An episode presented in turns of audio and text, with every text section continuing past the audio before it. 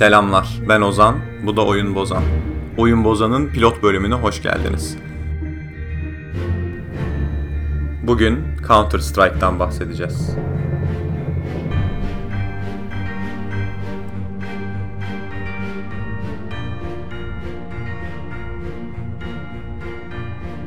Oyun Bozan ruhunda oyunlara gönül vermiş insanlara yönelik bir podcast. Bunu söylediğimde içinizden bir cringe dalgası geçmiş olabilir. Hemen bu podcast'i kapatmaya karar vermiş olabilirsiniz. Ya da tam tersine tam olarak neden bahsettiğimi biliyor olabilirsiniz. Bu tamamen oyunlarla hangi noktada, kaç yaşınızda veya size bağımlılık yapacak o doğru oyunla ne zaman tanıştığınıza bağlı. Bu program konsepti gereği her bölüm bir konuk ağırlaması gereken bir program. Ama bu bir pilot bölüm olduğu için ve ben birazcık konseptten bahsetmek istediğim için bu bölüm ve ke- aslında kendi gönül verdiğim oyundan Counter Strike'tan bu bölüm bahsedeceğim için bu bölümlük bir konuk ağırlamadım. Bundan sonraki her bölümde farklı bir oyuna gönül vermiş birini ağırlayacağım. Çünkü bu podcast'in amacı biraz daha insanların binlerce saat harcadıkları bu hobileriyle alakalı kişisel deneyimlerini paylaşmak üzerine. Öncelikle bir oyuna gönül vermek nedir? Ondan kısaca bahsedeyim. Bir oyuna gönül vermek sadece günlerle, haftalarla, yıllarla bu oyuna ayırdığınız süreyle alakalı bir durum değil. Bir oyuna gönül vermek gerektiğinde bütün sosyal ilişkilerinizi, işlerinizi, sorumluluklarınızı kenara koyarak hatta tabiri caizse çöpe atarak gerçekten e, hayatınızın yavaş yavaş bu oyuna dönüşmesiyle alakalı. Benim için bu oyun Counter Strike Global Offensive oldu. Öncesinde CS 1.6 oynamışlığım vardı ama tabii ki yaşım küçük olduğu için hiçbir zaman o oyunu ciddi bir şekilde oynayamadım. Etrafımda ciddi bir şekilde onu oynayan yoktu. Bir internet kafe kültürünü bana aşılayacak, düzenli olarak hadi kafeye gidip 1.6 atalım diyecek arkadaşlarım hiçbir zaman olmadı benim. Daha çok evimizde oturup Wolf Team falan oynuyorduk dürüst olmak gerekirse. Neden bu oyundan bahsediyorum? Çünkü Counter Strike'a 3000 saat harcadım. Ee, bir kıyas yapmak isterseniz kendi ana dilinizden farklı bir dil grubuna mensup bir dili öğrenmek için mesela bizim için Rusça veya Arapça veya Çince gibi bir dili öğrenmek için bu dilde e, ortalama e, akıcılık seviyesine ulaşabilmek için gereken süre yaklaşık 720 saatle 1200 saat civarında değişiyor. Bu doğrultuda öncelikle çok çok azıcık e, sizi sıkmadan Counter Strike'ın birazcık tarihinden bahsedeyim. Counter Strike e, Half-Life'ın bir modu olarak ortaya çıkmış. Sonrasında Valve tarafından alıp geliştirilmiş ve günün sonunda da Steam e, biliyorsunuz artık anlatmama bile gerek yok. Yani bilgisayar oyun piyasasını her şeyiyle domine etmiş e, bir pazar. E, Steam aracılığıyla bütün dünyaya yayılmış bir oyun. Geleneksel olarak Counter Strike'ın kalesi ülkemizde çok popüler olmasına rağmen aynı futbolda vesaire olduğu gibi ülkemizde çok popüler olmasına rağmen en başarılı Counter Strike takımları genellikle e, Batı ve Kuzey Avrupa'dan çıkıyor. Fransa, Danimarka, İsveç gibi ülkelerden çıkıyor. E, bunun sebebi de insanların genel olarak gençliklerinde e, bir internet kafeye gidip bu oyuna harcayacak çok fazla zamanları olması ve sonrasında daha genç yaşlarına geldiklerinde Türkiye'de insanlardan çalışmaları veya hemen okuyup kendi paralarını kazanmaları beklenirken bu ülkelerde birazcık daha e, bu bir oyuna gönül verme, buna bu kadar zaman ayırma e, noktasında onları destekleyecek ya ekonomik durum ya devletin sosyal ağları vesaire olması. Buradan konuyu tabii ki e-spora bağlayacağım. E, mevzu bahis oyun CS olunca aynı şey ileride bölümlerini çekmek için sabırsızlandığım League of Legends, e, Rocket League gibi oyunlar için de geçerli. E, konu bu olunca işin içinde çok ciddi bir e-spor faktörü var. Yani siz hani geleneksel de geleneksel olarak oyunlardan sıkılmak diye bir şey vardır. Yani bir oyunu oynayabileceğiniz sürenin bir ömrü vardır. Ama mesela hayatınızda kaç tane büyük futbol fanatiği olup da bir noktada futboldan sıkılmış veya herhangi bir spor için geçerli bu. Ee, böyle bir insanla karşılaştınız mı? Ben pek karşılaşmadım dürüst olmak gerekirse. Ve bu e, geleneksel sporların altında yatan bu ruh kendinden daha büyük bir hedefe, kendinden daha büyük bir kitleye e, aidiyet hissetme durumu aslında e-sporda da var.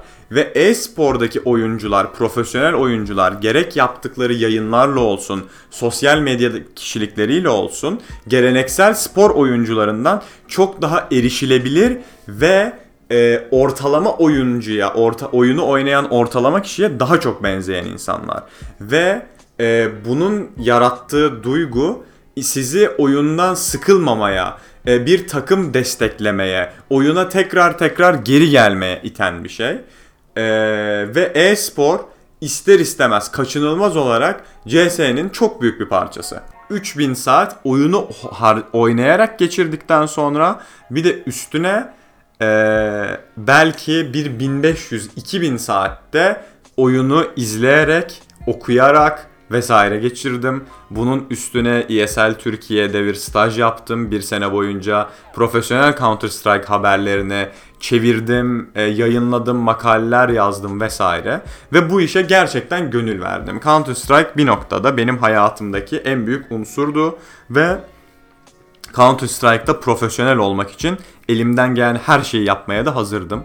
Nitekim zamanında beraber oynadığım insanlardan bazıları şu anda hiçbiri e, yani bir süperstar seviyesinde olmasa da Türkiye'de Türkiye'nin e, hani yarı profesyonel seviyesinde bir sürü iyi takımda oynuyor.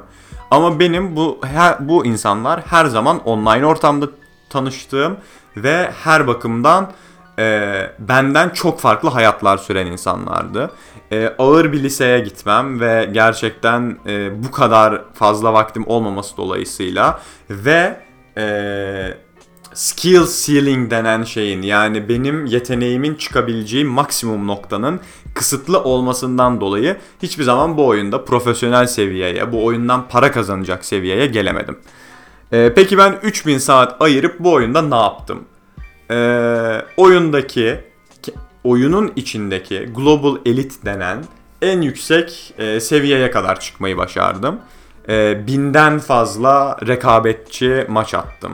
Rekabetçi maçlar oyunun içinde basitçe e, benzer seviyede oynayan insanların birbirine karşı oynadığı ve sonrasında da e, yukarı seviyeye çıkmaya çalıştığı bir mod yani bu kadar basit aslında.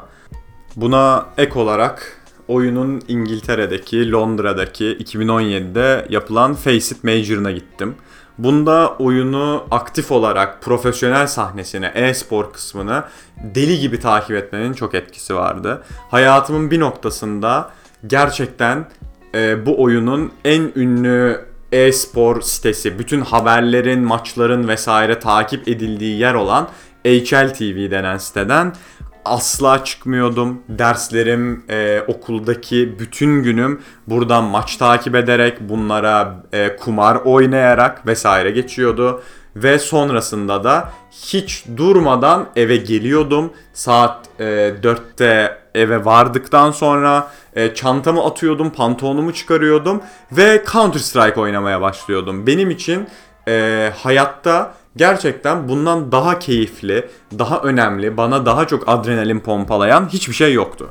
Ee, Counter Strike'dan aldığım zevk hayatta hiçbir şeyle yarışamıyordu. Ve bunun şöyle bir e, maalesef negatif döngüye sokma durumu var. O da şu ki oyuna o kadar çok zaman ay- ayırıyorsunuz ki e, oyundaki insanların çok ciddi bir kısmından daha iyi oynamaya başlıyorsunuz. E bu da şu duruma getiriyor sizi.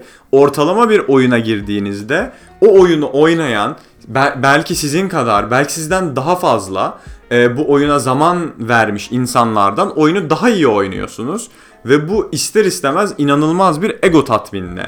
Belki gerçek hayatta bir karşılığı olmayan, tamamen sanal dünya ile kısıtlı bir kendini geliştirme, verdiğiniz emeğin karşılığını alma sürecine dönüşüyor.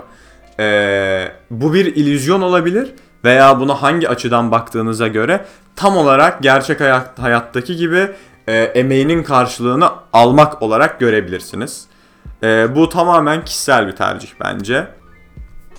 Tabii ki e, hayatta en sevmediğim şeylerden biri olan kapitalist sistemin bize getirdiği, çok sık konuştuğumuz, e, devamlı olarak hayatta bir verimli olma ihtiyacı, verimli olmadığınızda, e, bir şey üretken olmadığınızda bir suçluluk duygusu hissetmek e, Counter Strike'ın, CS'nin belki de en kötü yanı. Çünkü bu oyuna verdiğiniz 3000 saat günün sonunda sizi bu oyunu çok iyi oynayan biri olmak hariç pek bir şey yapmıyor. Peki bana neler yaptı? Birincisi e, bir sosyal aktivite olarak günümüzde arkadaşlarınızla yapmak için bir yandan e, Discord'dan, Skype'tan vesaire sohbet muhabbet ederek bir yandan bu oyunu oynamak olsun. Bir yandan da e, gerçekten beraber bir şey başarıyorsun hissini e, yaratma konusunda çok başarılı bir oyun. E, daha oyunun detaylarına girmek gerekirse e, mesela bana hayatım boyunca gerçekten hiçbir şeye değişmeyeceğim bir takım anılar bıraktı. Bundan e, biz onlarla oynadıktan bir buçuk sene sonra dünyanın en iyi ikinci takımı haline gelen Finli Ens takımıyla e, tamamen okuldan eğlencesine arkadaşlarımızla girdiğimiz e, oyunun en büyük turnuvası olan Major'ın elemelerinden birinde eşleşmiştik Ens'le. E, 16-0 kaybetmiştik.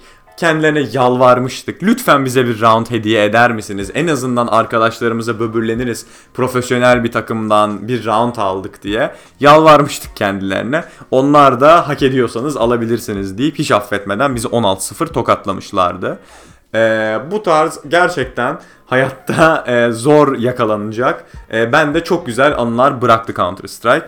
Kapatmadan önce oyunun patlamasında çok etkili olan ve belki de bu oyun dünyasına, özellikle CS dünyasına e, yabancı biri için e, çok garip gelebilecek olan skinlerden bahsetmek istiyorum. Skinler adı üstünde tamamen kozmetik ürünler. Zaten böyle bir profesyonel seviyede de oynanan, rekabetçi bir oyunda olması gereken şey bu. E, bunlar tamamen e, oyuna hiçbir katkısı olmayan ve eğer çok çok çok şanslı değilseniz e, oyundan asla e, yani gerçek para harcamadan alamayacağınız şeyler. E, bunlar 5 kuruştan başlayıp e, 25-30 bin dolara kadar çıkabilen şeyler. Tamamen e, oyuna hiçbir katkısı olmayan dediğim gibi kozmetik ürünler.